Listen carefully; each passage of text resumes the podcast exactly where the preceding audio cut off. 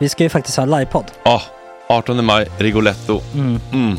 Jag kommer inte ens nämna stolarna. Nej. För det, det har jag pratat om. Ja. Nu ska vi prata om showen. Ja, bara kort då bara för de som inte vet. Alltså, man kan alltså, alltså stolarna, man kan reclina dem Ja. och ligga som Joey och Chandler Ja. i Friends. Och så har man en QR-kod och så trycker man på vilken sprit man vill ha.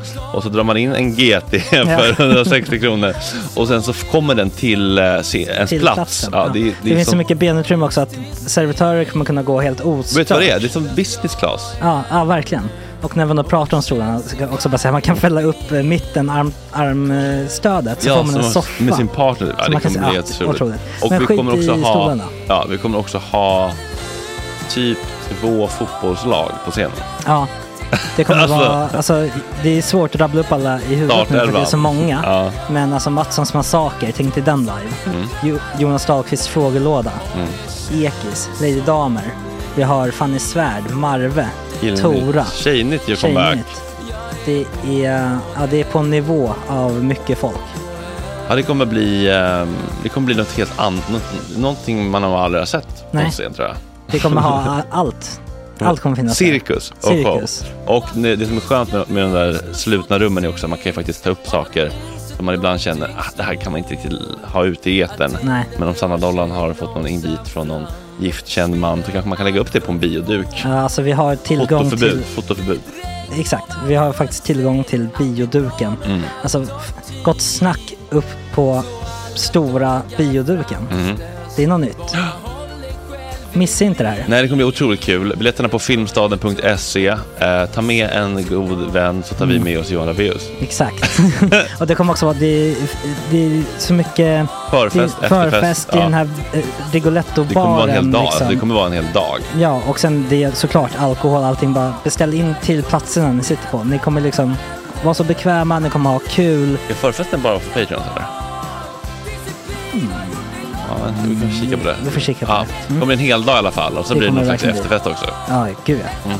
Vad är en Gott Snack eh, livepodd utan efterfest? Gud, det kommer bli så kul. Så länge sedan vi hade livepodd. Ja, det ska Längtar. bli skitkul. Ja, vi ses där hörni. Men, vart köper man biljetterna? Filmstaden.se. Ja, in och köp.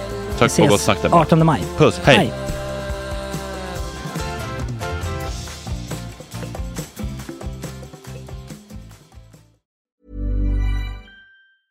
Hey, it's Ryan Reynolds, and I'm here with Keith, co star of my upcoming film, If, only in theaters, May 17th. Do you want to tell people the big news?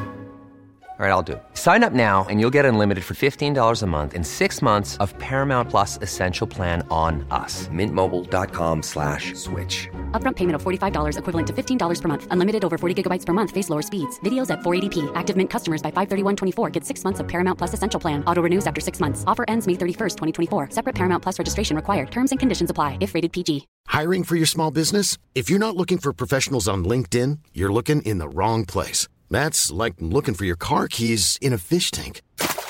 LinkedIn helps you hire professionals you can't find anywhere else, even those who aren't actively searching for a new job but might be open to the perfect role. In a given month, over 70% of LinkedIn users don't even visit other leading job sites. So start looking in the right place. With LinkedIn, you can hire professionals like a professional. Post your free job on linkedin.com/people slash people today. There's never been a faster or easier way to start your weight loss journey than with PlushCare. PlushCare accepts most insurance plans and gives you online access to board-certified physicians who can prescribe FDA-approved weight loss medications like Wigovi and Zepbound for those who qualify. Take charge of your health and speak with a board-certified physician about a weight loss plan that's right for you. Get started today at plushcare.com slash weight loss. That's plushcare.com slash weight loss. plushcare.com slash weight loss.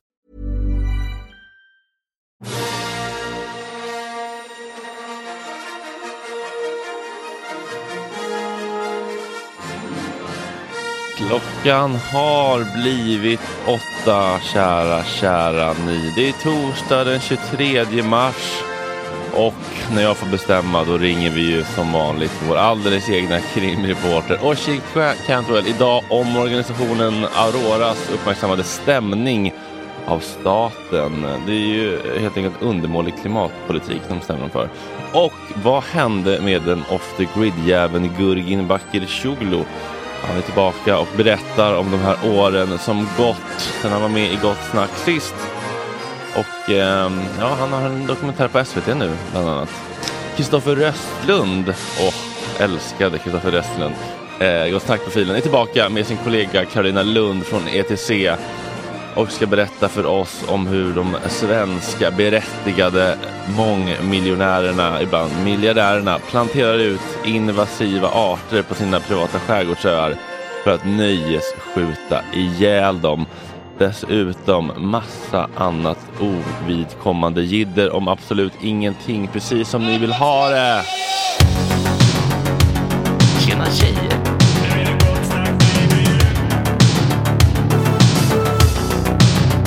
Superrunkare Gregor.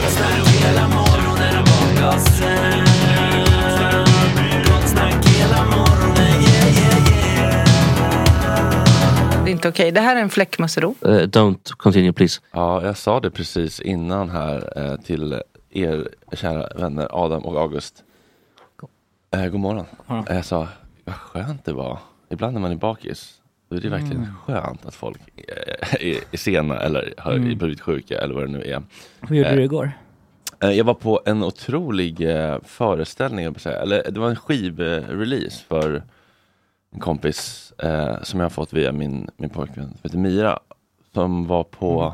på det här lilla huset nere vid Sm- smed, smeds, Smeden. Ni vet liksom det lilla huset vid um, Västerbrons fäste på, på den sidan. Jaha, Vad heter det? där, där är en liten bar. Ja, det var verkligen bar. Alltså, det- men inte den på hörnet med, precis vid bron, som är som en Dovas typ. Nej. Nej, alltså, på, alltså inte på Hornstullssidan. Nej. Smeds... Vad, Ja, vad, vänta, jag heter, tänker fel. vad, vad heter det? Jag vet inte vad, det- vad det heter. Min, Riktigt. min eh, jag kan Söder. Ja. Sen kan jag inte så mycket mer. Nu kan jag ha lärt mig en bit av Fredhäll också. ja. Men jag blir jättefrustrerad av sånt här när man inte, kommer, om man inte vet vad saker heter. Jag, jag vill ju kunna veta vad saker i Stockholm heter. Det är jättepinsamt. Eh, det här är alltså på andra sidan. mm, Va, gud. Hjälp. andra sidan, Alltså när man åker från Västerbron från Hornstull. Eden heter det. Jag sökte på Smeden. Det heter Eden. mm, Eh, jag vet inte om det är liksom, hur, hur pass nytt det är, men minns ni liksom när, när trädgården var, var fett, och sen så kom ön, minns ni ön? ja, minns. Ja. Det är väl ganska nytt eller? Ja men det, det är typ borta igen, tror jag. Är det? Ja, Jag tror det. Jag tror inte ön är, är up, up and running. Det var ju ute på Långholm? va? Långholmen, precis. En liten, som en liten pop-up restaurang halloj. Mm. En sommar eller två. Mm. Jag var bara där en gång, det var ganska mysigt. här. Ja, det var jättemysigt. Då var det mycket. Ja, och det känns som att det lite grann liksom blev coolare än trädgården och puttade bort trädgården. Nu känns det som Mm. att Eden är coolare än ön. Ön. Men trädgården är alltjämt kvar. Jag vet, det det bara känns som att det har dött för att det typ är lite ute. Men det, på, det bara pågår ju. Mm. Ja. Men är du ute då? Nej, jag vet inte, det bara känns så. Det känns som att det är lite passé bara. Ja. Skitsamma, det var i alla fall eh, Mira där eh, hade en release för sin em, skiva. Jag tror väl den är väl ute nu då. Eh, det kan vi spela sen kanske. Mm. Och det var det var min, min kära pojkvän som sa vi måste gå på den här releasen. Jag var så här trött. Ni vet när man är så här man är lite opepp på någonting och så här, ja, jag följer väl lite grann med så här, lite för din skull typ. Och så bara då blir man blown away av hur bra det är. Mm. Men var det framträdande och sånt där? Ja, det var liksom performance. Eh, verkligen ett performance och liksom, ja men lite, alltså. En blandning mellan performancekonstverk och liksom musik. Och så, och så här, de hade verkligen byggt upp ett sceneri med så här vackra liksom, fick göra som en liten skog med liksom så här um, fluorescent, vad heter det? Vad är fluorescent på? Jag vet inte vad det är på engelska ens. Hej, där är det ju! Vi pratade precis om din grej igår Mia. Ja. Ja, eh, att det, att det var en så fint liksom, en så fin miljö där uppe i, jag, jag, första fyra minuterna har jag bara försökt komma på vad det här stället hette, jag satt och googlade Smeden. och bara, Eden. ja, Eden. Eh, Ja, nu och försöker vi komma på vad flo... Vad heter det? fluorescent är på svenska, jag är så jävla bakis. Ja, vad fan är det? Alltså själv, inte självlysande utan, eh, Eh, Florerande? säger man så? Florerande? Ska jag sätta mig här? Ja gör det, gör det för all del. Hej! Eh, god morgon. God morgon!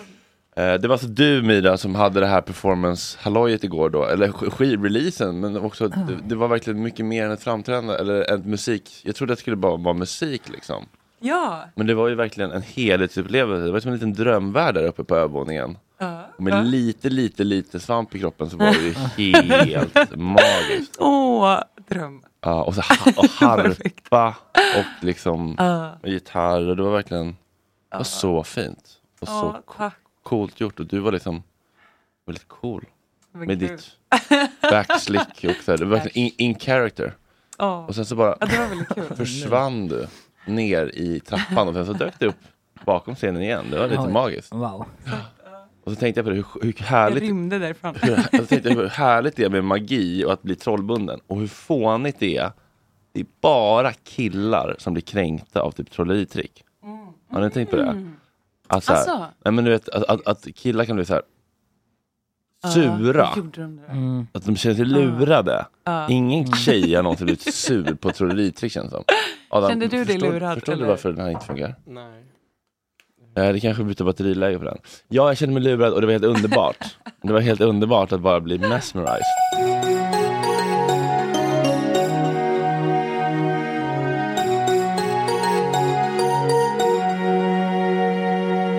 Man kan tydligen stämma staten om man tycker att staten inte gör sitt jobb när det kommer till klimatpolitik. Visste du det? Neda? Nej. Visst är det lite ballt? Vi hade inte jag heller koll på eh, riktigt. Men eh, så har tydligen några klimataktivister gjort. Visst är det så, Ocean Cantwell?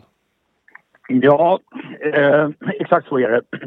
Och att ni inte har koll på det här, det förvånar mig inte med tanke på hur mycket det är ni inte har koll på. Eh, det är därför vi ringer dig, Ocean. Ja, jag, jag, jag får i vanlig ordning eh, eh, hoppa in och reda ut allt. Jaha. Nej, jag ska inte vara elak. Jag tycker att ni är smarta och roliga och ni kan era grejer. Eh, Ja, Du är så snäll. Alltså. Men ja, jo, så här va. Så här va.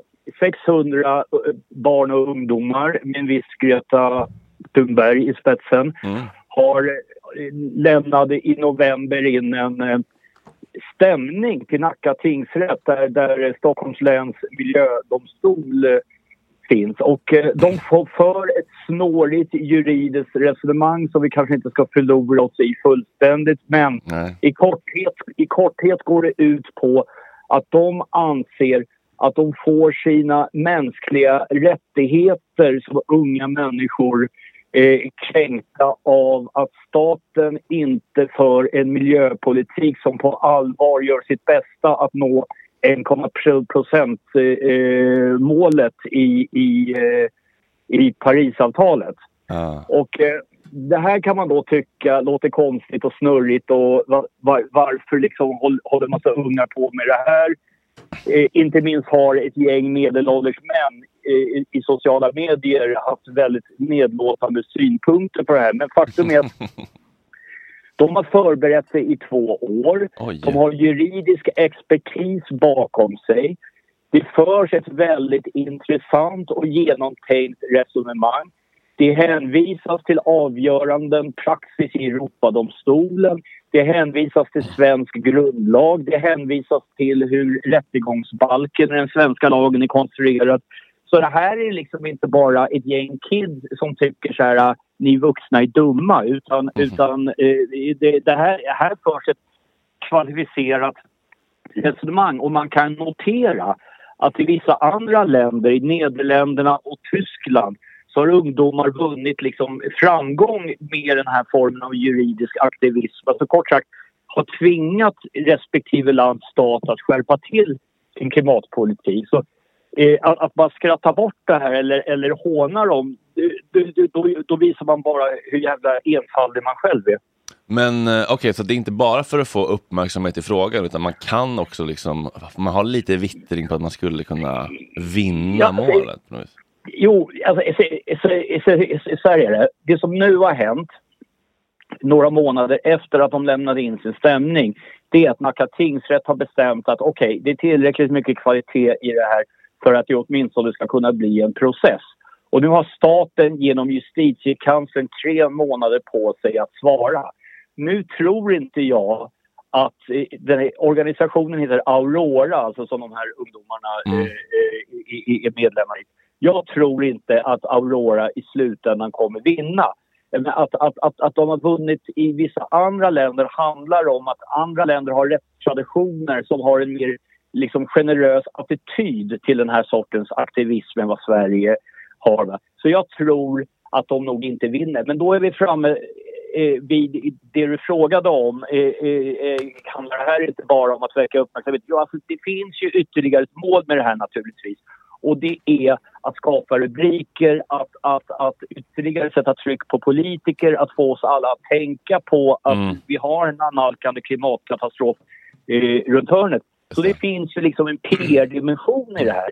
Och där, jag menar, och, ta, ta den här unga tjejen Greta som är något slags influencerfenomen av, av, av global betydelse. När hon började sin demonstration utanför riksdagen så var det liksom eh, riksdagsledamöter till höger som tog hånfulla bilder av henne, spred i sociala medier. Ska inte flickstackaren gå i skolan och göra sina läxor? Och så. Ett år senare hade hon skakat hand med påven, FNs generalsekreterare, Barack fucking Obama. Alla de där liksom. Med, med, medan de där högergubbarna fortfarande satt på Twitter. Liksom så här. Mm. Vem vann? Jo, Greta. Eh, och så, så det, här, det finns ju förstås en PR-dimension i det här också. Och, och, och eh, som PR-kampanj eller som PR-kupp betraktat så är det redan Eh, en seger. Sen finns det ju då också juridiska dimensioner i det här. Så, alltså det är inte oseriöst, utan det är seriöst. Eh, Men ä- ä- även om jag tror att de nog förlorar så ska vi ha i bakhuvudet att använda sig av juridiken för att nå sina mål. De har också blivit kritiserade för att de går den här vägen. Men det är naturligtvis fullt legitimt. Det, det, det, de utnyttjar sina lagliga rättigheter. Men brottet är brott, eh, eh, brott mot mänskligheten eller rätt, mänskliga Ja, rättigheter? brott, brott, brott, brott mot Europakonventionen om de mänskliga rättigheterna. Alltså eh, att, att, att, eh, att, att, att, liksom, att Sverige, att, att staten inte gör tillräckligt för att, att ungdomarna senare i livet ska ha ett drägligt liv. Så, så kan man lite liksom förenklat och kanske rent av lite vulgärt för, för, för, för, för, förenkla det hela. Men det, det är någonting åt det hållet de klämmer. Oshin, eh, handen på hjärtat, hur, eh, hur klimatvänligt lever du själv? Eh, hyfsat klimatvänligt, men det beror inte på... Alltså, så här va. Jag tillhör inte det här enfaldiga gänget som försöker förneka klimatförändringar. Jag lyssnar på vad experterna säger. Jag har inte tillräckligt kunskap för att invända eh, att, att, att, att, att, att, att det sker saker i klimatet. Det råder ingen som helst tvekan om. Massa dystra rekord slås precis hela tiden. Eh, med det sagt kanske jag liksom inte står eh, i, i, i det här Greta Thunberg-tåget genom Stockholm för att lämna in en, en eh, en, sån här appell till domstolen. Och det beror inte bara på att jag är alldeles för gammal för att anses vara ung utan det beror också på att jag är lite för lat. Eh, men alltså, och, och för att svara på din fråga, jag lever hyfsat klimatvänligt men som sagt inte av några fina tjusiga ideologiska skäl utan helt enkelt för att jag är för lat för att göra något annat. Ibland åker jag taxi, vilket väl är en eh, synd i sammanhanget. Men, men utöver det, jag har ingen bil, jag ägnar mig inte åt några stora utsläpp själv och så vidare och så vidare. Ja, ehm, det, det, låter ju, det låter ju bra Oshin. Um, men, Men, det men, låter inte alls för övertygad, men okej. Gott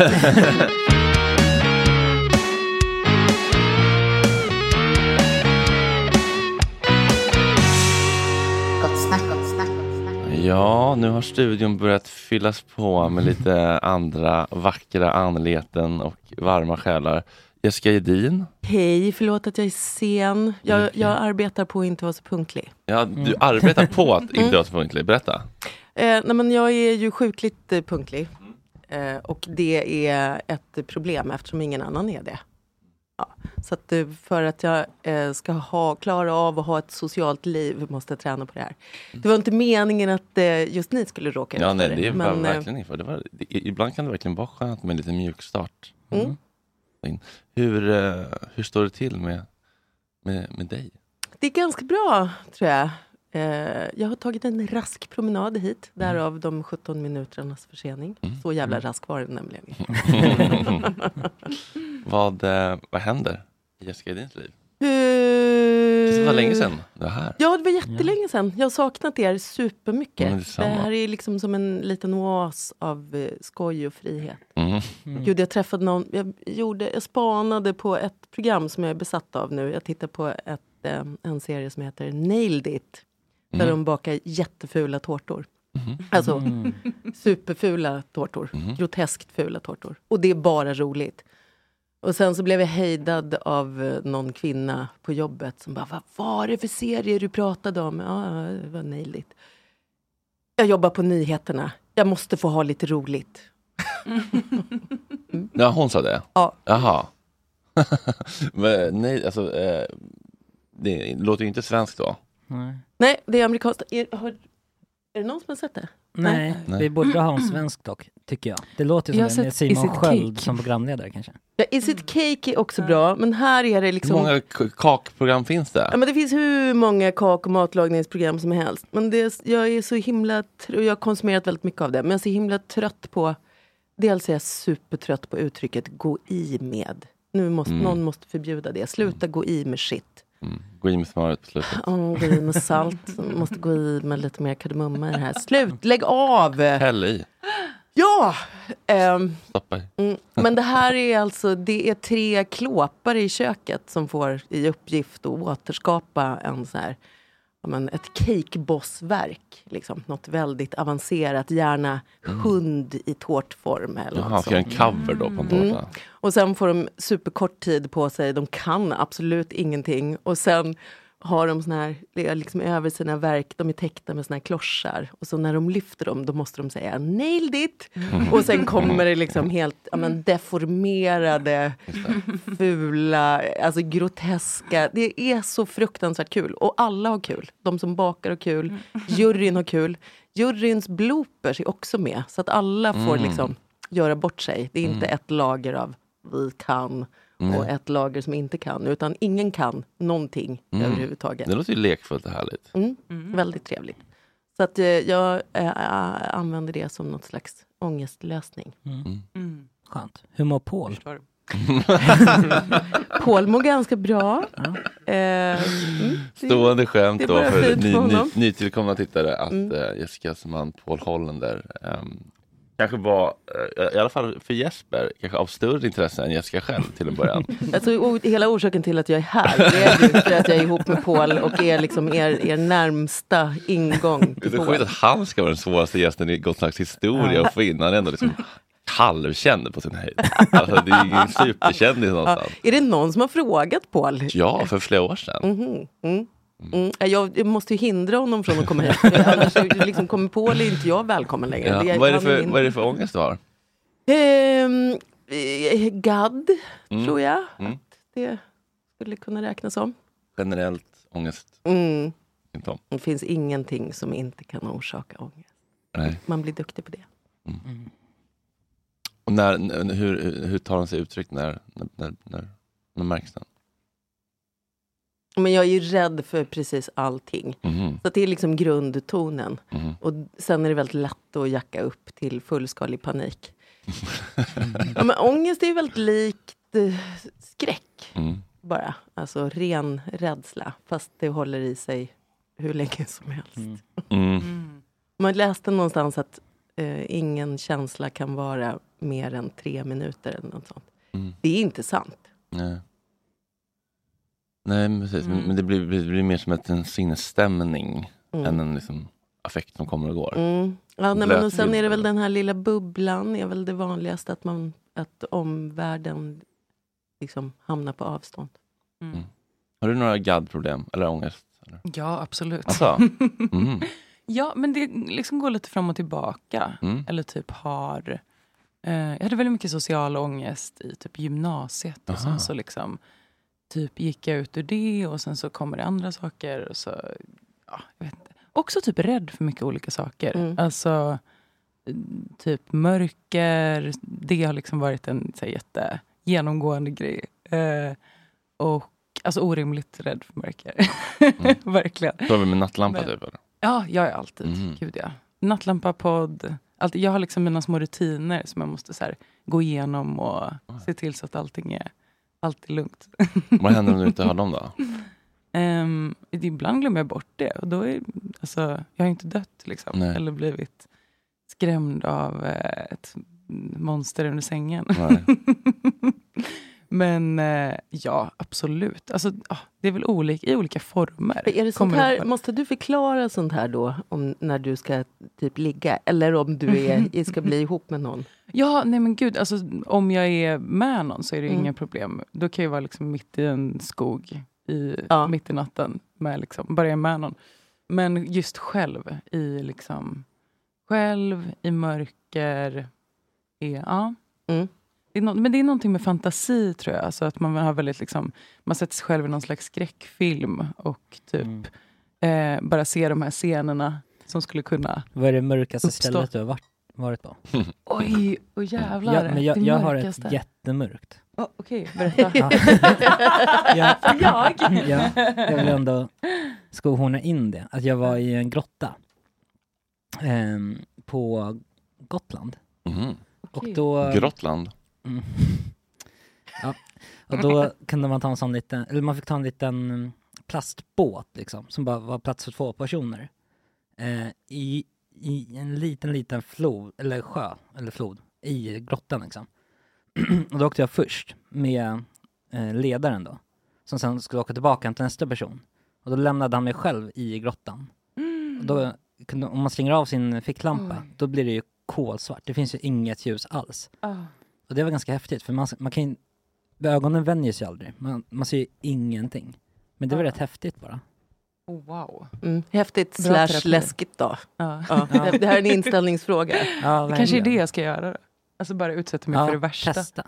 Bli lämnad ensam i en grotta. Fast det här är ju också grejen med och KBT, abort, lite olika saker. Dels så tror jag, det känns ju som att de bara förflyttar sig. Men Du sa ju precis. Ja. Ja. Vi för, först var jag rädd för det här och sen blev jag rädd för det. Men Mm. sen är det också, ja men varför? Vi, ja, man måste ju inte leva i mörker. Man måste inte träna sig inför att stå i en kolsvart grotta om man bara kan undvika det. Ja. Ja, så jobbar jag nu. Ja. Alltså jag vill slå ett slag för att vara en fegis. Jag, Mm. jag, jag tycker att det är ändå... Man behöver inte Mm. face your fears. Man kan bara Nej, embrace your fears. Ja, det går att leva ett helt liv som rädd. Kulturmarxister, sionister, nyliberalism. Här har ni ett forum, dags för dagens aktivism. Känns det läskigt tanken på typ så här, eh, sluta jobba och eh, bo, börja bo i en husbil med sin hund och bara åka runt och typ leva som en eh, Nomad. nomad. Känns, Mm. Är det en läskig tanke tycker ni? Men för, för det, det, då känns det ju som att man måste vara skön. Det är skön jag. person. Jag är jätteoskön. Ja. ja. Rädd och oskön. Alltså, nej, helt oskön. Eh, Hur känner du inför den tanken? Jag vet inte, inte jättesugen Nej. just nu kanske. Vi, vi ska äntligen få facit på hur det är. Uh, Gurgin Bakircioglu, välkommen tillbaka till Gott Snack. God morgon, hej. God morgon. Jag försöker möblera den här blomman bara Ja, förlåt, alltså, det är den här lilla kastanjeträdet som är... Det, det, det, det, det står dåligt där, men det ser fint ut Mm. när man inte sänder. Eh, du var här för några år sedan Mm. Och då, vi, jag tror vi åkte och dumpsterdivade en liten sväng efter det. Får inte berätta vart. Nej, det får vi inte mer göra. Locations i Det är Dumpster-communityt, det är, Superhemligt. det är farligt. Bara gör så här så jag ser lite. Låter jag inte snygg? Jo, Jo. jo, det var att jag ville se dina ögon. Nu då? Du vill se mina ögon? Ja. Mm. Ehm, och, eh, och nu har du en, eh, en dokumentär på SVT Mm. som heter Aldrig mer kebab. Varför blev det det namnet? Jag har inte bestämt någonting. Det är ju så här, jag har ju gjort, eh, det är regissören Hogi Hirori som har filmat mig i fem år och det har varit här, fem år utav att så här, jag ska inte kontrollera ett skit, det har bara varit en lång övning. Mm. Eh, filma vad du vill, han har filmat, tack så mycket. Det var inte ens till mig. Kom bara en latte your way. En eh, kaffekopp. Ehm, han har filmat min uh, förändringsresa från uh, ekorrhjul, uh, ja, Till sjön. jobbism. Till sjön. Nej, jag är ganska oskön. Vi har inte träffats än Jessica. Ge mig fem minuter ska jag motbevisa det. Nej men så hela den omställningsresan ehm, in mot eh, klimatet, mot uh, veganism, ett, bet- ett bättre liv för mig själv, hur jag kan lira tillsammans med Parisavtalet i mitt lilla liv och liksom, hur jag kan få försöka vinna VM i samarbete i en tid och folk skiter i de här frågorna helt och hållet. Så det har gjort att jag blivit lite orolig och tänker så här, men alla kan väl bli små ledare. Och han har filmat så här, familjetjafs så mycket mer och det är sjukt att min köttätande farsa har blivit den riktiga stjärnan i den här SVT-dokumentären. Mm. Även bland veganer. Veganer älskar min köttätarfarsa. Mm. Jag vet inte om det är för att han kommer undan, det är pappor, det är någonting. Det är, vet inte, det är någonting. men Ja, de Klubba föräldrar har en Mm. tendens att komma undan med mycket liksom. Mm. Eh, men hur har du haft det då, de här åren? Vad har du gjort? Det, har- det har varit flummigt, men det har varit fantastiskt. Ehm, gå ifrån um, en ganska schysst lön till leva 3-6 tusen i månaden, ehm, friare. Så fyra år heltid i husbil, nu är det två år deltid i husbil. Varje gång jag säger husbil, folk tror att jag säger husby. Så jag måste säga husbil väldigt tydligt, för att jag vet att jag är generisk husby-människa även om jag bott där, men jag bor deltid i Östberga i kollektiv, eh, Flummetiflum, och deltid i husbil, också Flummetiflum. Så. Den Vad här, har du saknat mest?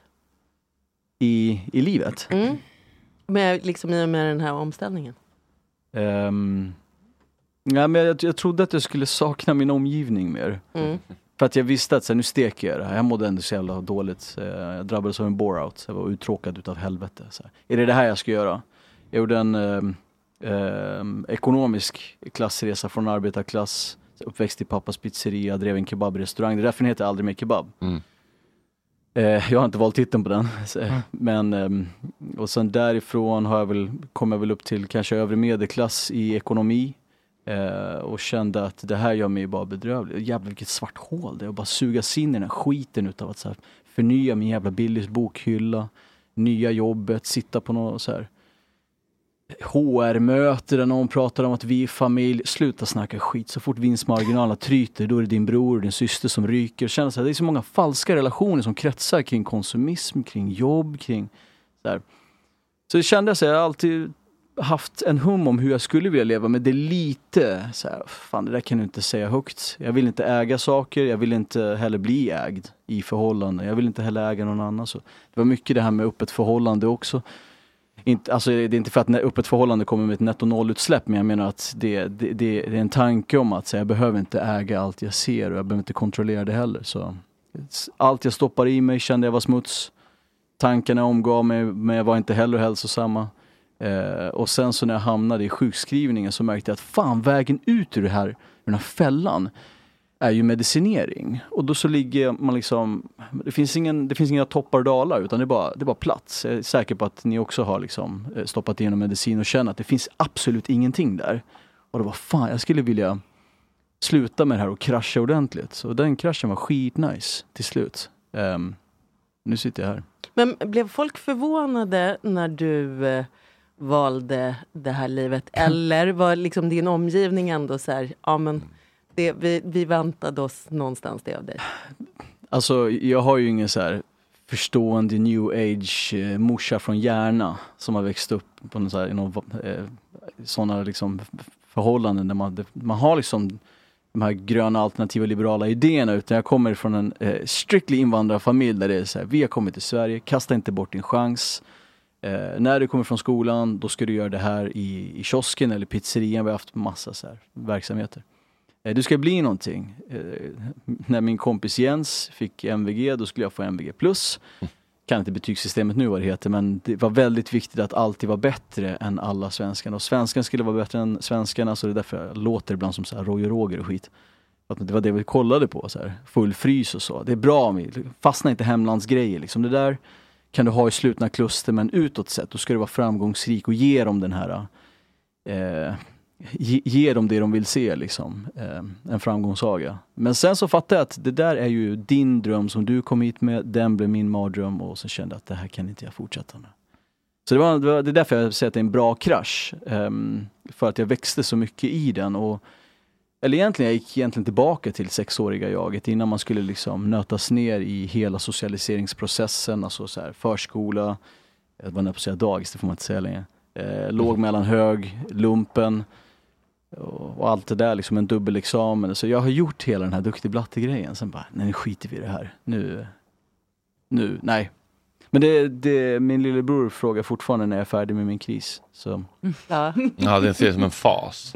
Jo men allt är ju en fas, allt innan var en fas också. Men jag ser det som, det som var innan var ju en kris. Nu så känner jag att så här, Jag möter ganska många häftiga människor i kaninhålet som jag bara, shit ni har också Mm. varit här hela tiden va? Ehm, hur såg den övergången ut? Liksom, var det en lång övergång mellan dina olika livs, eh, livsstilar? Alltså just kring, kring typ eh, materiella ting och eh, veganism eller liksom var det... Alltså det, det hände väl mer eller mindre allt på kanske en åtta månader. Alltså eh, sälja mina grejer, köpa husbilen, bli vegan, säga upp mig. Eh, fan vad, alltså massa andra spejsade grejer också. Ehm, som gjorde att jag, det, var, det, det går inte att göra det på typ en vecka. Eh, och sen så kände jag att om jag gör det för snabbt, då kommer det bli konstigt. För jag hade knappt kommit in i husbilen, jag bara, jag vet inte ens hur man värmer upp den här. Jag bara köpte en husbil över en telefon. Eh, jag träffade din morsa förresten i husbilen, jag kände igen henne. Va?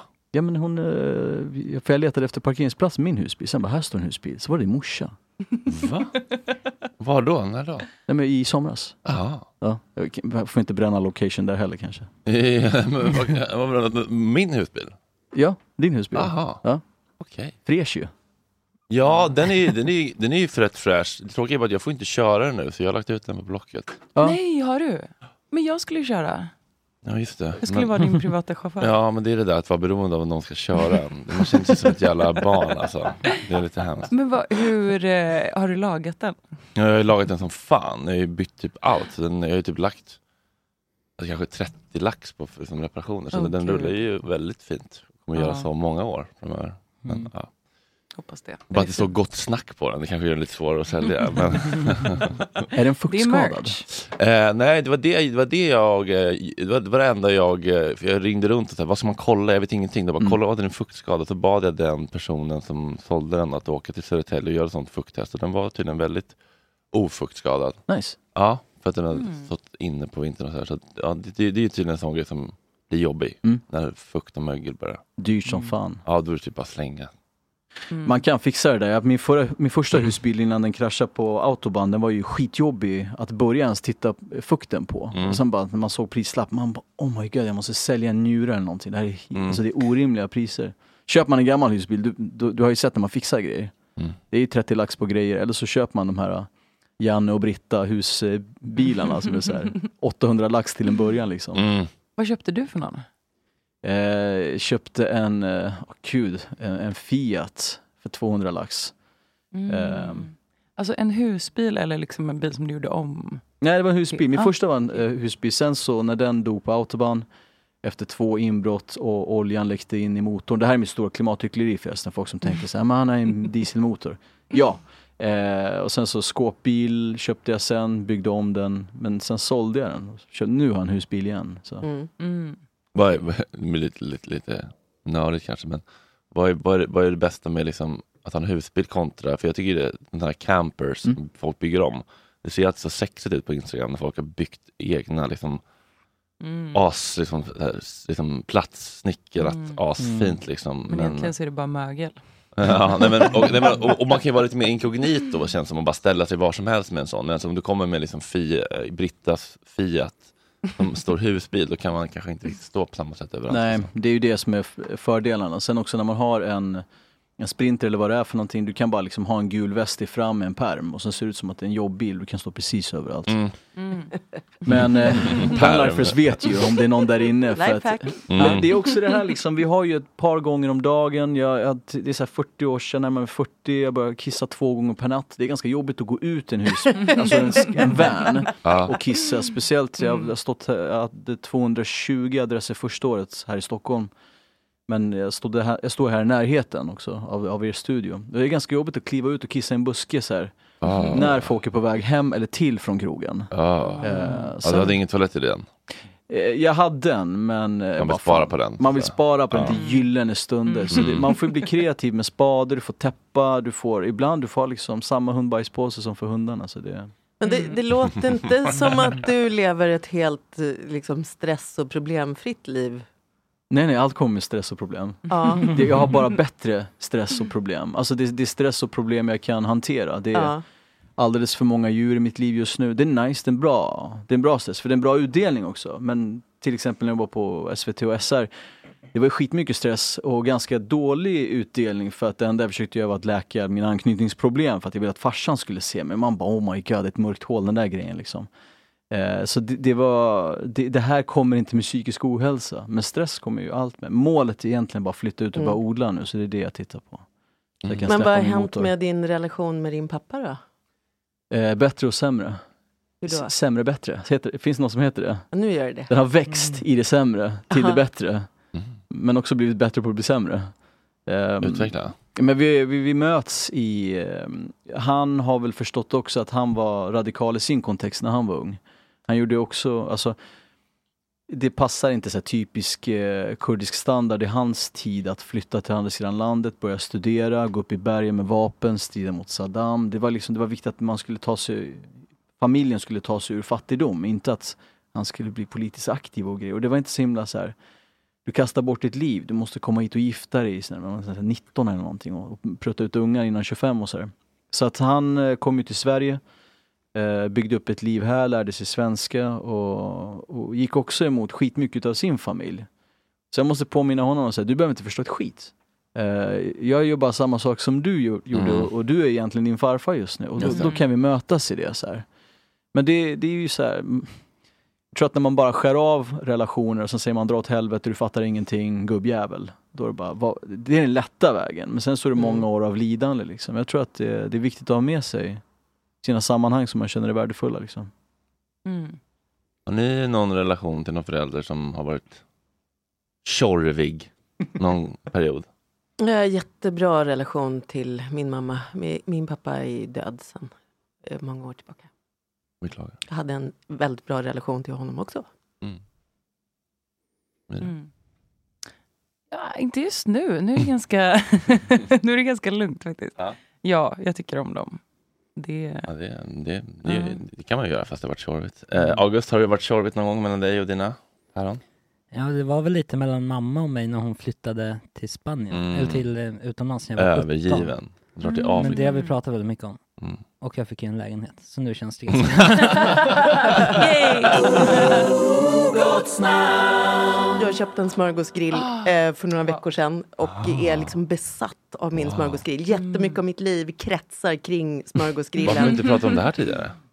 Vad sa du? Det Nej men jag vet inte. Jag borde ha sagt det i första jorden när jag kom. Ja. Alltså varför pratar jag om min ångest? Jag äger en Smörgåsgrill. Jag har också hittat en smörgåsgrill som jag letat efter jättelänge. Men jag ber om ursäkt, det här kommer hända nu. Ni kommer ha lite tråkigt men nu kommer det här att Nej, hända. jag är jättein- Den har alltså de här plattorna är löstagbara så man kan diska Ja, det är den. Det är det så jävla härligt. Så Det- man kan också fälla ut den så det blir en sån hibachi-grill.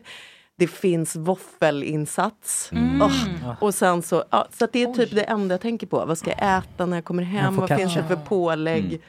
Ska jag smör eller olja på utsidan av smörgåsen för det bästa knapret? Olja. Lite mozzarella så det blir osttrådar. Ja, det är Lite gott. pesto kanske. Ja. För de är så lättdiskade, för man slipper tjonga in hela liksom, Ja, så här, grejen i ja. disken och bara träffa inte elgrejerna för då, då grillas jag. Liksom. Japp, Nej, men så det, är liksom, det är det jag lever på och för nu.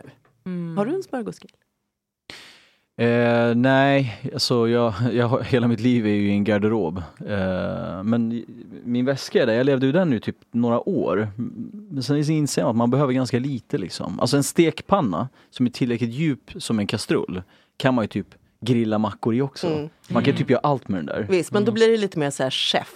Man Mm. måste ha, det, det måste göras med en viss, eh, man måste kunna lite shit. Alltså en smörgåsgrill, du ska kunna dumpster, det- allting blir gott Jessica, också i en smörgåsgrill. vad är det för grill? Du måste säga vad den heter. Eh, Jag har ingen aning om, den nej. kostade 520 spänn på Elon. Det är en, de skriker om det i chatten, de vill veta vilken Ja, jag, jag, jag, kan, jag kommer återkomma med kanske kan ringa info Paul om det. fråga. Kan vi ringa Elon? Jag har frågat om Elon vill sponsra oss. Ja. Ja. Och jag köpte inte bara en smörgåsgrill utan jag köpte tre. En gav jag bort och sen måste jag ha en bara På för säkerhets skull ifall den här går sönder. Ja, nej, men nu, Many of us have those stubborn pounds that seem impossible to lose, no matter how good we eat or how hard we work out. My solution is PlushCare. PlushCare is a leading telehealth provider with doctors who are there for you day and night to partner with you in your weight loss journey. They can prescribe FDA-approved weight loss medications like Wagovi and Zepbound for those who qualify. Plus, they accept most insurance plans. To get started, visit plushcare.com slash weight loss. That's plushcare.com slash weight loss. Planning for your next trip? Elevate your travel style with Quince. Quince has all the jet setting essentials you'll want for your next getaway, like European linen, premium luggage options, buttery soft Italian leather bags, and so much more. And is all priced at 50 to 80% less than similar brands. Plus, Quince only works with factories that use safe and ethical manufacturing practices. Pack your bags with high-quality essentials you'll be wearing for vacations to come with Quince. Go to quince.com slash pack for free shipping and 365-day returns. I'm Sandra, and I'm just the professional your small business was looking for. But you didn't hire me because you didn't use LinkedIn jobs. LinkedIn has professionals you can't find anywhere else, including those who aren't actively looking for a new job but might be open to the perfect role, like me. In a given month, over 70% of LinkedIn users don't visit other leading job sites. So if you're not looking on LinkedIn, you'll miss out on great candidates like Sandra. Start hiring professionals like a professional. Post your free job on linkedin.com/people slash people today. Ja, härligt. Det är många grillar alltså. Förlåt, jag är din motsats känner jag nu. Ja, och det är på ett lite Ser dåligt du min sätt. dömande blick just nu? Men får du liksom, eh, får du några liksom cravings om du liksom eh, snubblar in på en, om du får en sponsrad reklam från en, med en trådlös blender eller en smörgåsgrill eller en liksom Alltså grejen är, jag har ju torskat på så jävla många grejer nu. Det har varit allt ifrån så här, kom, kom till Chicago, vi har en konferens, nej tack, flyger inte. Eh, alltså jag är en sån jävla nej tack kille. Och det är, det är det som gör mig väldigt dryg. Men till slut så hittar man ju, alltså återigen kaninhålet, företag som också, bara, vi tycker också så här. Och, och hållbarhet för oss är genom social, den är genom eh, liksom, ekologisk, den är genom alltihopa. Eh, med det sagt, det är inte så supermånga som, som man, men man kan räkna dem på en hand. Men sen så, det, mm, det finns väldigt många smutsiga pengar att, att ta emot och bli en del av och sen ursäkta sig för att säga man måste sätta mat på bordet. Men det är bara ett sätt att ursäkta sin egna höga standard på. Så att jag låter skitdummande när jag säger det. Men jag pratar mycket med mina vänner också som, ja, men som, som också har gjort reklam för det ena skräpet efter det andra. Liksom. Allt ifrån fast fashion till eh, Arla och såna här grejer som är så här, fan är det här för skit liksom? Men Arla är ju faktiskt eh, no- noll netto koldioxidutsläpp på sin mjölk. Jag minns inte att, att de hade det på sin mjölk förut. De torskade ju på det där. Ja. De, de har ju tagit bort det. Men jag tyckte det var skönt att tänka att kossorna pruttar och det går jämnt ut. Det var en skön tanke. Ja, jo. Men de fick ta bort det och sen så sa de så här, ja men vi eh, De har ju valt, det finns en diskussion om det, jag ska inte dra upp det, men deras hållbarhet visade sig bara vara kommunikation. Så det var det. Mm.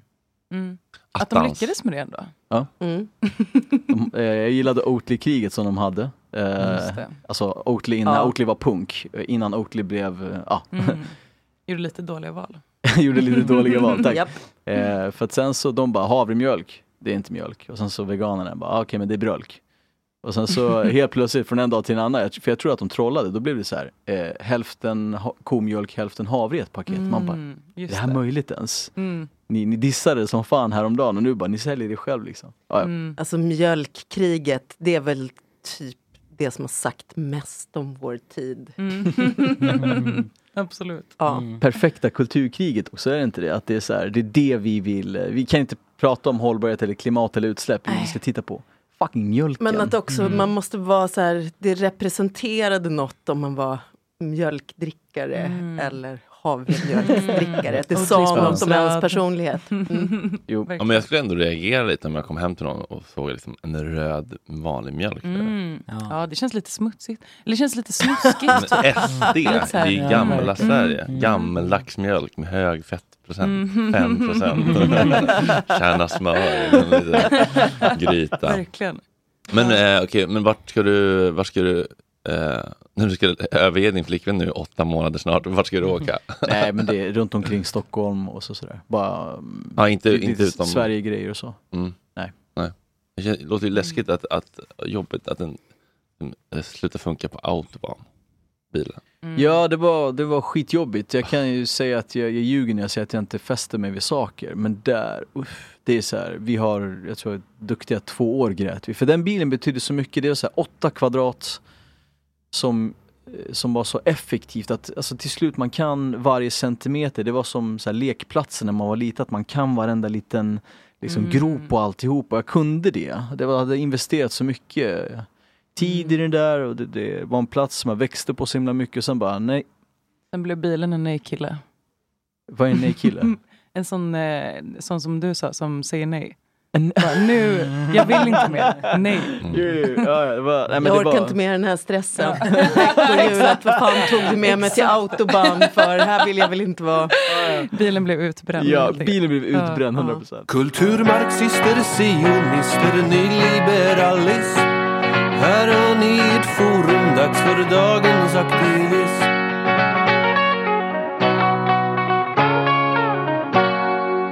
Okej kära ni, nu är klockan sju minuter över nio och vi ska prata om mufflonfår och berättigade sviniga miljardärer, höll jag på att säga. Jajamän, Kristoffer och Carolina från ETC. Dagens ETC. Det är så jävla viktigt det där. Ja, det är fan otroligt viktigt. Ja. Du borde ha lärt dig så ofta som jag är med här. Ja, det borde jag kanske. eh, välkommen tillbaka. Du har varit här förut, det tycker vi mycket om. Du är en ny bekantskap för oss. Ja, Trevligt. jättekul att vara här. Ja, vad vet du om oss? Eh, alldeles för lite, men nej. jag har lyssnat ikapp lite. Ja, du har det? Ja. Jaha. Ja. Ni har gjort ett jävla gräv. Ja, alltså lite klacksparkigt kanske. Det är en kul grej. Eh, väldigt rika människor som gör vad de vill med den allmänna skogen och naturen. Kan man väl sammanfatta. För det här är, minns jag att det snackades om när Zlatan hade sin, eh, för några år sedan redan, att han eh, höll på med mufflonfår på sin ö typ. Har jag fått för mig. Ja, visst var det så? Du, det här kommer som en nyhet för mig. Jag har ingen... Nej, jag vet att våra kollegor pratar om det där. Jag eh, struntar i allt som har med Zlatan att göra. bara för att jag avskyr fotboll. Så att det är en lucka i min allmänbildning, tyvärr. Men ja.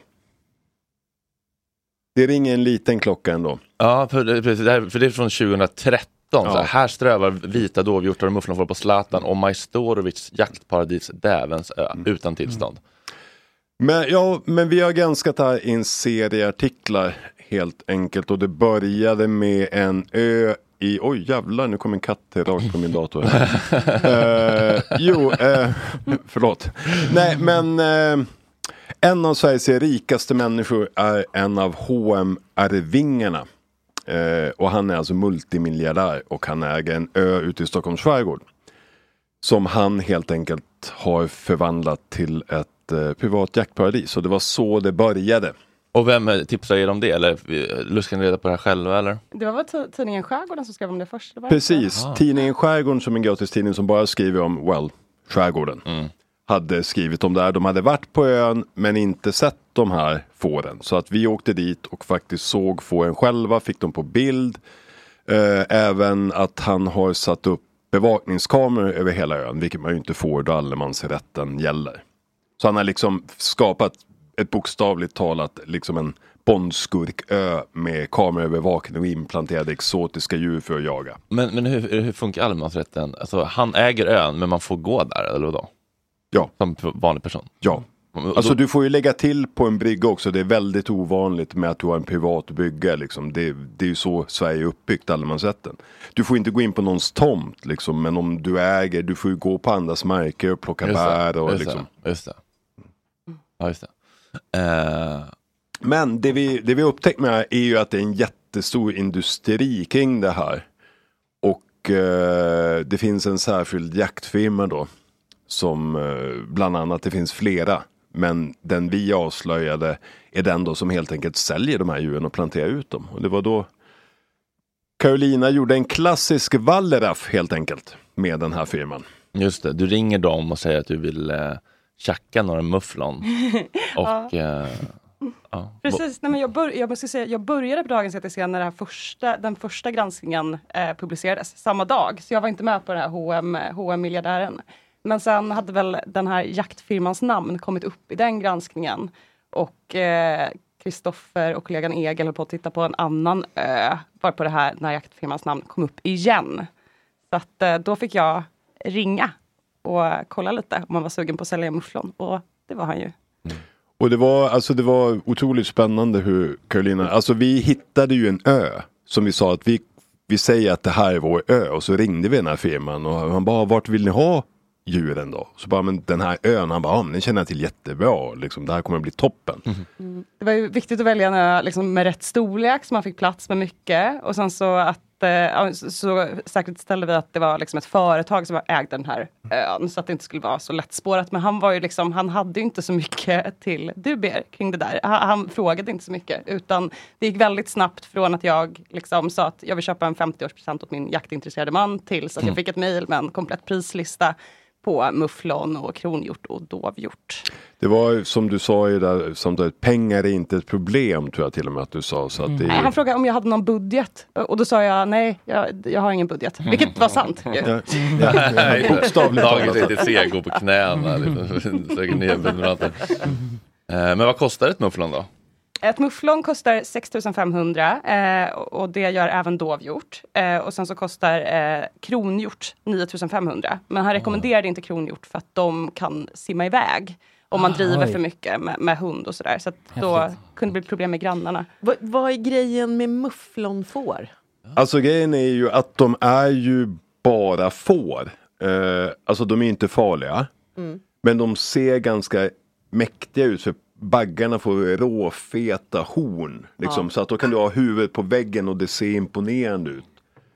Men Och det känns så här, att jaga får. Nej, det är ju inte- Det känns ju väldigt mesigt. Nej, jag tror väl att Ja. Jan, Jan Guillou skulle väl fnysa åt de här nyrika människorna som åker ut i skärgården och skjuter liksom tå, äh, får på i, i princip små öar. Jag tror Mm. inte han skulle tycka att det är big Men är de game hunting. tama eller liksom är de vild? Eller liksom hur, är de, hur Alltså, är de uppfostrade? ja, men så här är ju att mufflonfår finns ju inte i Sverige naturligt. De finns på valda ställen för att ett, folk har planterat ut dem exakt så här.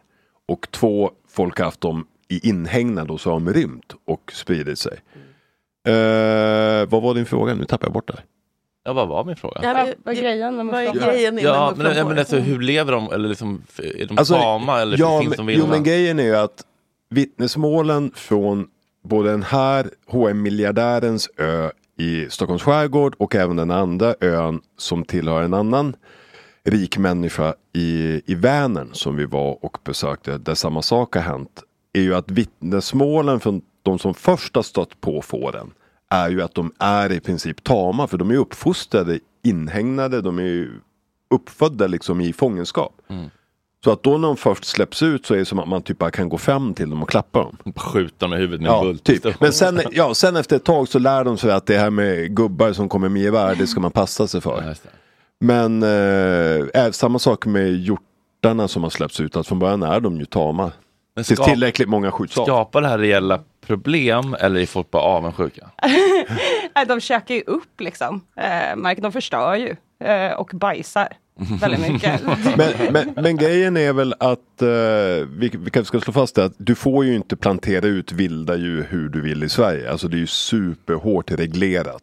Även om du äger liksom en ö får du ju inte bara, nu ska jag släppa ut de här djuren här. För det kan rucka på ekosystemet typ eller? Ja, men dels alltså vi har ju naturvårdsverk, vi har ju lagar och regler som man ska följa. Du får inte, du får inte köpa en bunt får och släppa ut här på Södermalm heller. Nej, men, men, på, men på sin tomt? Eller, man- Ja, men då är ju en inhägnad. Alltså du får ju ha Ja, just det. Inhägnade djur. Ja, man kan ju tänka då att ön är inhägnad i sig, för den är inhägnad av vatten. Ja, fast så tänker inte Naturvårdsverket Nej, och Sveriges myndigheter. det. men jo, men grejen är att mufflonfår är i princip klassade som invasiva, vilket innebär att då nu släpper ut en stor flock på en liten yta så äter de upp och förstör naturen. Ja. Mm. Och det är ju dåligt kan man tycka. Ja. Du är lite Men om mer de tveksam. ändå ska skjutas av. Ja, jo, det är ju sant. Ja. Men eh, okej, så de, liksom, de knaprar bort lite bark och de bajsar typ? Så här är grejen att den här andra gränsningen som då ledde till att Carolina wallraffade. Det var ju ön i Vänern som ägs av ehm, ägaren till en, eh, en välkänd eh, optikerfirma. Som är mångmiljonär. Så han köpte ju den ön och väldigt, väldigt, väldigt kort efter det i början av 2022, förra året alltså. Han köpte den och så typ så här. börjar helt plötsligt dyka upp jättemycket djur på den här lilla ön. Men där är det ju människor som har stugor. Ja precis, det var ju, det var ju hans miss i Mm. räkningen. Att där är det ju 50 pers som har 50 olika sommarstugor där folk bor typ från mars till oktober. Så jag vet inte hur han tänkte att det här skulle gå förbi Under radarn, obemärkt. ja. Så att där är ju med, och det är ju lätt att skratta åt de här sommarstugemänniskorna men alltså den ön är ju täckt i bajs. Mm. Det var ju där vi var, man bara kryssar mellan gigantiska högar med hjort och fårbajs på deras tomter. Mm. Och det är väl humoristiskt. Ja, men det är också humoristiskt att man har den självbilden att men jag hyr en prom och skickar ut 40 mufflonfår på den här eh, bebodda ön och tänker att jag bara, ingen ska säga något. Mm. Ingen ska Nej. Nej, men det sorgliga är att ingenting händer heller. Alltså när man polisanmäler, det är ganska låg prioriterat så att de står ju någonstans över lagen. Ja, Eh. varför det blir inga konsekvenser eller? Nej, det är, jag vet att gällande det här i Vänern så har den lokala Skaraborgssnuten hållit på att utreda det här sedan i somras. Och men den utredningen är inte klar än. Alltså det är ju såklart att det är väl inte prioriterat med utsläppta får på en ö. Nej. Men ja, Eh, Jag ringde någon byråkrat på Länsstyrelsen som sa att ja, när jag nämnde den här mufflonsmugglarens namn, eh, varpå han sa att eh, den här mannen har jäckat mig i flera år. Mm. Och samma sak har ju hänt, det har ju andra medier skrivit om på Gräsö i Stockholms skärgård som är en ganska stor ö. Där har ju SVT rapporterat om hjortar, att de har släppt ut, släppt ut hjortar i mängd. Och då är det verkligen så att man har det finns vittnen hur den här jaktfirmans bil med släp åker över på färjan. Liksom, och så typ dagen efter dyker upp en jättestor flock hjortar. Men de Gräsöborna, de sket ju där. De sköt ju bara av alla på en, liksom så här. Så att det kallas nu Gräsömassakern i deras, i deras Facebookgrupp. Att de typ knäppte 18 hjortar på ett bräde. Bara Oj. För att bli av med dem. Så att den personen som nu pyntade då jättemånga tusen för att plantera ut de där hjortarna på Gräsö är nog ganska lacka. Och inte jättepopulär som granne. Nej. Men poängen med här att man planterar ut de här djuren. Dels för att man tycker om egen nöjesjakt. Men också för att man sen då kan arrangera jakt och ta betalt av det. För den här jaktfirman som vi avslöjade nu och vi fick på band när, berä- när den här ägaren då berättar hur hon går tillväga. Han säljer dels eh, mufflonfår och hjortar till privata människor som eh, vill ha det på sin ö. Sen så fixar han jaktresor till den ön. Liksom att då kan du med dina polare betala för att åka ut med jaktfirman till den här ön och panga mufflonfår. Och då får killen som äger ön få lite pengar för det från jaktfirman och så får jaktfirman pengar från de här härliga grabbgängen som åker ut och jagar. 30 000 per skjutet mufflon? Ja, upp till 30 000 kan man pynta för att få skjuta en maffig Det är bagge. ju dagsarvode för eh, Bingo Rimér så det är inget konstigt. Nej precis, han knäpper ju bara någon pattbild på det där så han, så han rott hem ett Det är mufflonfår. 30 000, det är en patte. ja, okej, för jag tänker liksom på min barndoms äh, Nåtare, liksom, där är det ju jättefina sådana hjortar, sådana riktiga klassiska liksom Disneyhjortar, Mm. orangea med vita fläckar. De går ju runt och bajsar, men, men, du- men då är det ju någon som har satt ut dem där, tänker jag, alltså st- statligt eller liksom sanktionerat Mm. från liksom högre ort. Är du säker på det? det... Nej, eller jag vet inte. Men, alltså, för, nej, men för de har ändå alltid varit där, typ sedan 50-talet. Typ. Ja, så Eh. länge har inte den här firman hållit på i alla fall. Men, men han säljer ju 600 djur om året. Säger han ju till oss på band. Många? 600 Åh jävlar, har ni räknat på vad det blir liksom? har vi räknat. Nej. Jo, vad var det? Det var ju omsättningen. Det var väl... f- Ja, jag kommer faktiskt inte ihåg den siffran. Ja, men nu är det lätt att räkna ut. 600 gånger 6500. Men alltså var kommer de ifrån? Vem förvarar alla dessa hjortar och mufflonfår? Ja, alltså han, som- har- han har ju tillstånd. Just den här firman har ju tillstånd för att ha stor inhängd, alltså en mufflonfarm. Ja. Det får ju ha. Det får ju Har ni varit där och tittat? Nej, det har vi faktiskt inte gjort. Nej. Gjort. Men jag har fått, eh, de, de jagar ju hägn också. Det är en väldigt speciell kategori av jakt som man får göra utan jaktlicens. Mm. Eh, liksom i sällskap med någon som har jaktlicens. Och en kompis som hade varit med på sånt där beskrev det för mig som att liksom man, det kommer 200 mufflon åt ena hållet och sen kommer det tillbaka 1000, eller 199 mufflon liksom åt andra Mm. hållet. Och så står man bara där och pangar rätt in i en skock mufflon. Vad, vad svårt. Ja, eller? Det bara- Alltså det är ju lite så här, man, man ska ju inte glömma att jakt är ju överklassens liksom favoritnöje. Det är ju det de lever för, är ju att skjuta djur. Ja, det känns inte som att det är det vanligaste för ensamstående morsor på existensminimum att göra på helgen. Nej, det är ganska Nej. ovanligt. Men för överklassen så är det är i deras blod att ha sweatshops i tredje världen och skjuta djur. Ja. Men det är också något, alltså det är något så otroligt, för det, det är ju vidrigt. Men det är också något väldigt löjeväckande med att stå mitt i en skock får. Och skjuta. Alltså det känns ju väldigt, väldigt eh, ofarligt. Du vill säga omanligt egentligen. Ja, det vill jag göra. Ja, men noll macho. Ja. Alltså inget äventyr överhuvudtaget i det. Nej. Inget att skryta om. Nej, men det är, jag menar, det, om du får... Bortsett från att det är liksom olagligt så är det ju jätte... Det, det låter ju så lökigt. Men jag menar, du har ju, om du kollar på bilderna, de här hornen på väggen Mm. ovanför eldstaden. Ja visst, Mm. det är ju mäktigt. De är ju coola. Det får man säga. Ja. Så, men jo, men eh, så att vi har varit och besökt två sådana här öar då.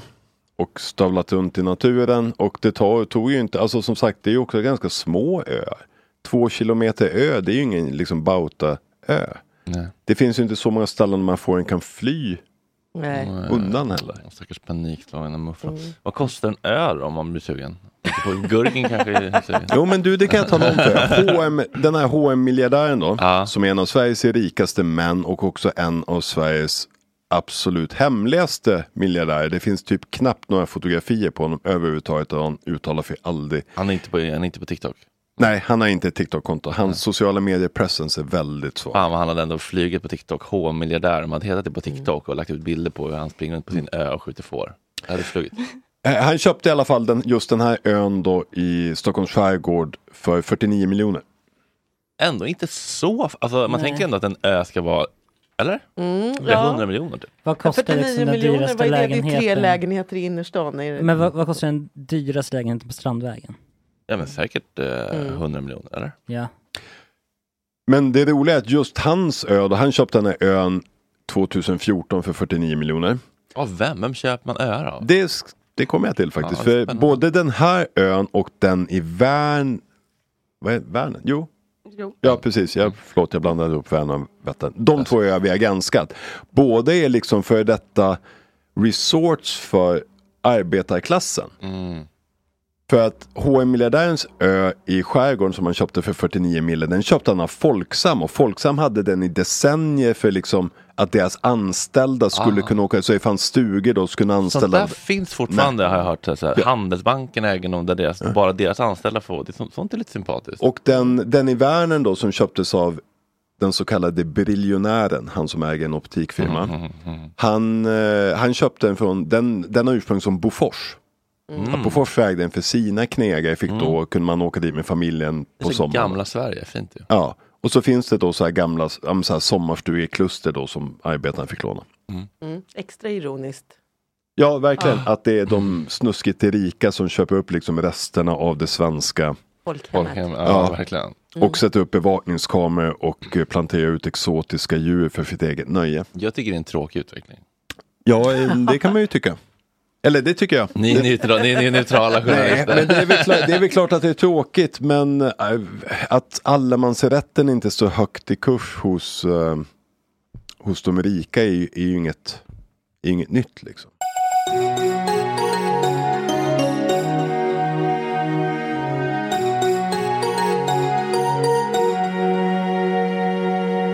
Klockan har blivit 9.42 och jag sitter här i min lilla studio på Ringvägen och trivs i min bakfylla som långsamt ebbar ut. Oh, har ni pratat om din bakfylla i, i, innan jag kom? Det får man säga. Mm, Okej. Den har vi rätt ut tror jag. ja. Jag drack eh, alla öl på Eden igår. Det där lilla stället vid... ehm, eh, vad heter den platsen? Jag vet inte vad den platsen heter riktigt. Det är väl någon sorts... Det är liksom Rålis på andra sidan, eh, fast på andra sidan. Men är det eh, inte Fridhemsplan typ? Eller? Kan man säga att det är det? Nej, det kan man inte. Det, Socialstyrelsen ligger ju där typ. Ja. Vi är Socialstyrelsen helt enkelt. Jättespännande. Eh, jag drack bara för många öl. Men det är så, när man blir så glad så är det så svårt att sluta dricka jag. När man Ja, vill det är det. fira saker. Mm. Jag vill fira Mias album, det är väldigt bra. När var du bakis senast, eh, Jessica? Men det var nog ett litet tag sen faktiskt. Kommer inte ihåg ens. Jag, det är en, jag dricker måttligt numera på ett Mm. tråkigt sätt. Det var lä- länge sedan du hade en riktig Ja, kanonfylla. Nej, ja, det var, eh, mm, ja, Polarpriset. Mm, Då var berätta. jag Det typ, om eh, nej gång. men jag, var, jag fick sån social stress i bordsplacering. Hej då på er, tack, Hej då, för, tack. tack. för allt. Eh, och så Vi känner kan ha jag lite att öppet. jag måste ta ansvar för att alla har det trevligt. Ah. Vilket ingen annan tycker. Det är bara jag som tycker det. Mm. Eh, och då ingick det bland annat i det ansvaret att jag tyckte att vi skulle dricka Shot. nubbe hela tiden. Ja, men för det stod på bordet och så. Oj då, oj då. Mm, för att öka trevnaden. Då, det är svårt att inte falla dit om det står nubbe Men då var det också sådär att jag var så, alltså så länge jag satt ner var jag nykter. Mm. När du ställer upp. Men när jag ställde mig upp Då så... tjongar det till. Mm, Klassiker. ja. Och sen så vet jag, satt jag lite grann i en trappa och undrade om jag skulle äta korv eller om jag skulle gå hem. Mhm. Vem vann Polarpriset nu sist? Men det var väl Iggy Pop? Just det. Mm. Var han där? Nej. Ja. Jo, jo. Jo de, Ja. de kommer ändå ofta få, det här priset har, har ändå någon slags, folk kommer ändå. Ja. Det är ändå, det är inte bara hittepå, eller så här, alla priser är ju hittepå, men Mm. folk orkar ändå ta sig och flyga in. Så sjukt stort att se Iggy Pop. Bara att se Iggy Pop i en lokal. Mm. var stort. Mm. Det var jättehärligt. Fick du prata med honom? Nej. Nej. Nej, absolut inte. Och det var också så här, det, det märktes också tyvärr eftermiddagen att mitt bord det skingrades väldigt snabbt. Jag vet inte, jag tyckte ju själv Att att jag var väldigt eh, härlig och trevlig. Men jag är inte säker på att alla andra delade den Vilka hade du till bords? uppfattningen. Eh, nej men det, det var en, en rad trevliga personer faktiskt. Det, det var väldigt trevligt. Ja, eh, jag ska, men jag, ja, jag startade en bokklubb. Nej men det här var inget bra. Det var, det var inte en Startar bra... en bokklubb med dem? Ja, nej, men jag, vi, jag hade ju- Var det skamligt? Ja, det är jätteskamligt. Varför? Nej men vem fan vill ha en bokklubb Ha- med har- mig? Alltså på riktigt. Det är ingen som vill ha det. Det tror jag att det är många Jag vill inte ha en bokklubb. Jag gör ju inget annat än läser. Nej. Men, men Jag vill titta på Nailed It och liksom äta transfett Mm. ifrån min smörgåsgrill. Har du någon eh, bokklubb?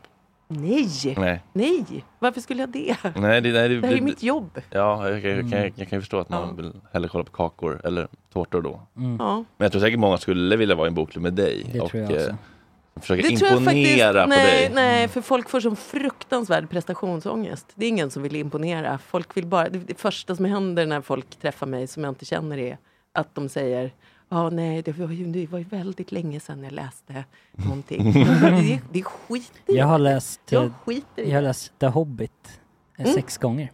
Ja. Vi, kan, där. ja, vi kan ha bokklubb om eh, The Hobbit bara. Ja, det kan vi ha. Den har tror- jag aldrig men läst. känner, sig folk, känner folk att de har- känner skam och måste förklara sig för dig? Typ att de måste liksom... Ja. Jag, jag, jag, jag, har varit lite dålig med läsandet på sistone Ja. Jessica, jag är ledsen. Ja, det, är verkligen Stå så. till svars. Ja. Så att jag kommer, det är som att det, det rullar in liksom en stor bara litteraturskuldboll i rummet. Nej. Så att det här med, om, när jag startar en bokklubb på fyllan, då är jag verkligen desperat. Mm. Då, då vet man att jag har druckit Men, men varför tror du att du gör det då? Nej men det blir trevligt och så ses vi. Jag kan, och det blir jättehärligt, vi dricker vin och alla kan få bestämma vad vi ska läsa. Det är desperat bara. Ja, men det är, Då vill man ha kompisar. ja, det är det, att du vill, ha, du vill Ja, connecta. och så har folk kanske börjat ägna sig åt något annat eh, än mig. De har kanske tröttnat på Mhm. min svada och sådär. Det, det, jag tror att det var en... Jag kommer inte riktigt ihåg hur det gick till. Men jag vet att jag vaknade sen dagen därpå, men också okristligt tidigt, halv sex. Oj. Och bara var så här, vad, Vad hände? Vad gjorde jag? Ja, men, det, alltså, Men det är ändå så här- Skamkänslorna över att ha Mm. startat en bokklubb, så starka. Ja, men det finns ändå människor som har vaknat upp dagen efter Med värre saker. med värre liksom, grejer. Att startade en bokklubb. Absolut. Ja, Jean-Claude men- Arnault och det liksom. här Och bara, är Åh, jag startade en bokklubb Det är en viss skillnad från för 20 år sedan, vad man hade ångest för. Men det säger så mycket bara om Är det liksom att- vilket känns- tillstånd av desperation jag var i. Full och så här kärlekskrank, patetisk. Men är det verkligen patetiskt? Alltså, ja, men det är så Är här, det det inte här är gulligt? motsvarighet, ja, men det är liksom den vuxna motsvarigheten till att ha varit så här tjatat på killar om att de ska följa med en hem. Det, det är den, det är Ja. den exakt samma läge. Men det är väl lite gulligt? Schyssta då, snälla. Och sen inte jag kan fått liksom hem laga dem. pasta. Jag har, jag har sprit hemma. Är, är killars motsvarighet till att sa- dra igång en bokklubb på fyllan, dra igång ett korpenlag? Ja. Det har alla killar gjort på Ja, fyllan. Eller hur verkligen. Adam? Du har också gjort det? Absolut. Har ni Eller hur? det? Ja. Nej. Du har inte det? Nej. Skämtar du? Du har gjort det? Jag har gått med i ett korpenlag. Ja, hundra procent. Ja. Och då, då vaknade du ändå dagen därpå och tyckte att den personen som hade liksom kommit på idén Mm. var lite klängig och töntig. Ja, jag gick inte med jag, jag spelade inte i ett mor- eh, korpenlag när jag vaknade. Nej, för ingen gör det. Jag har ingen Nej. bokklubb heller efter eh, Polarpriset. Nej. Noll bokklubb.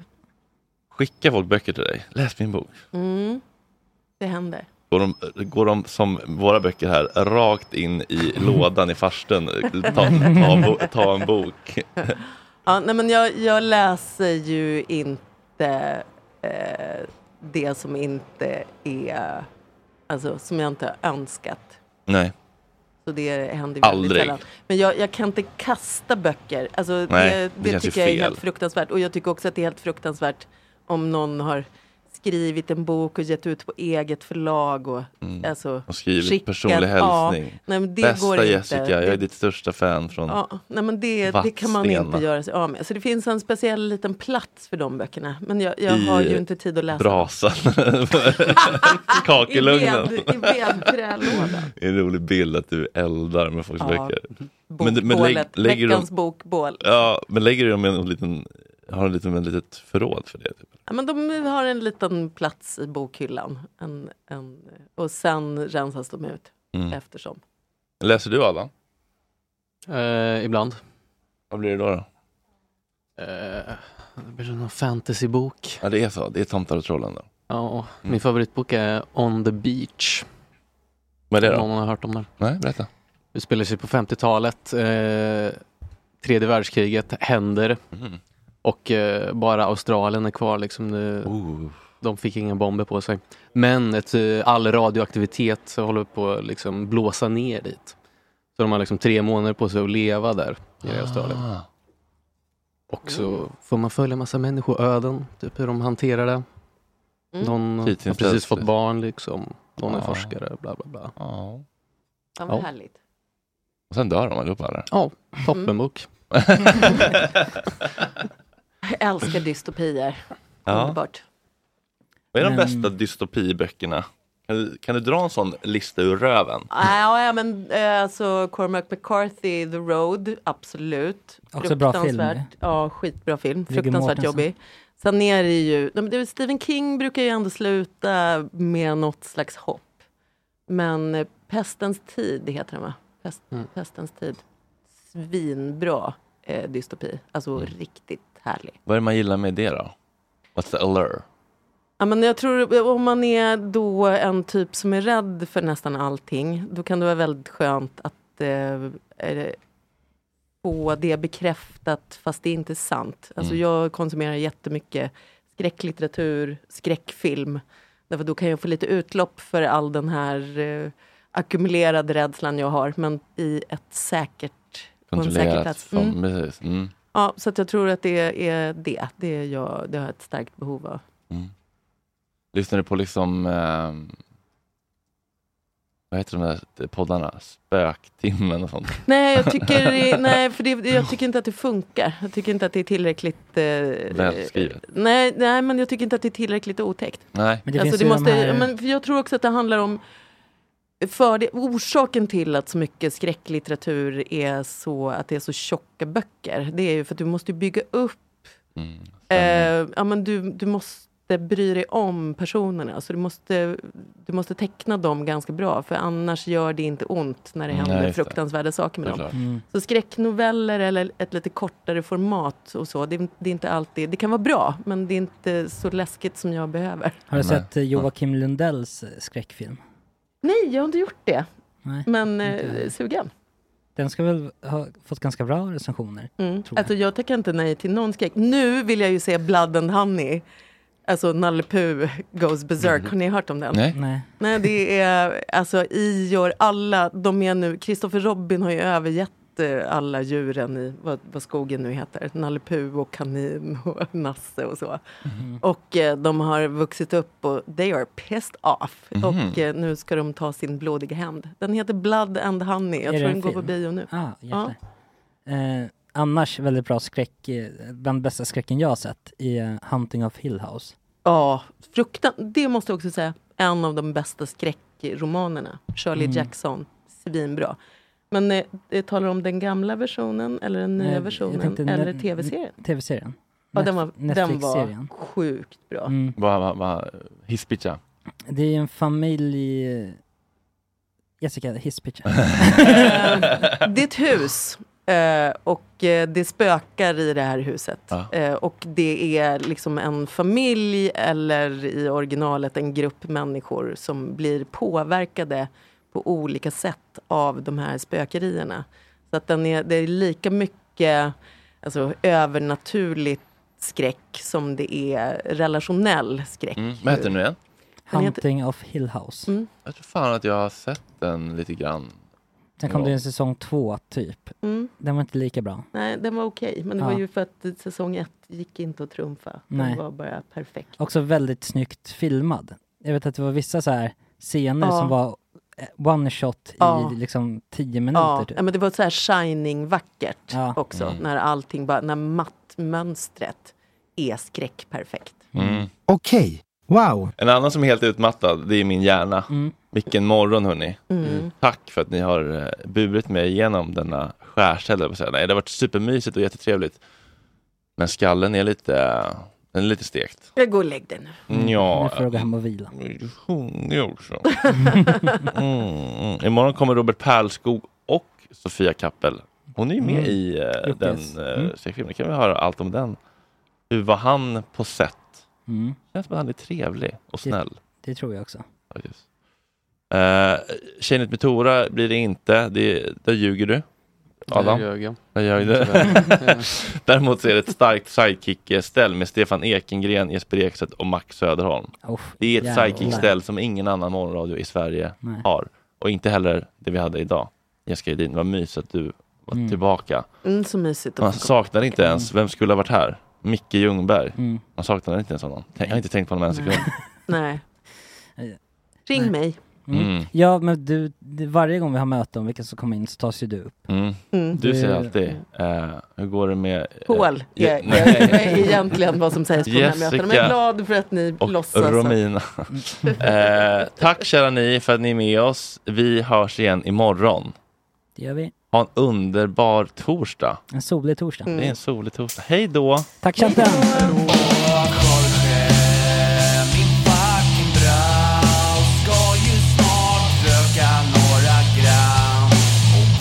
Och hoppa lite tram. Åh Jorge, min fucking broder. Det är så synd att du har en annan moder. En annan fucking moder. Even when we're on a budget, we still deserve nice things. Quince is a place to scoop up stunning high-end goods for 50 to 80% less than similar brands. They have buttery soft cashmere sweaters starting at $50, luxurious Italian leather bags, and so much more. Plus, Quince only works with factories that use safe, ethical, and responsible manufacturing. Get the high-end goods you'll love without the high price tag with Quince. Go to quince.com slash style for free shipping and 365-day returns.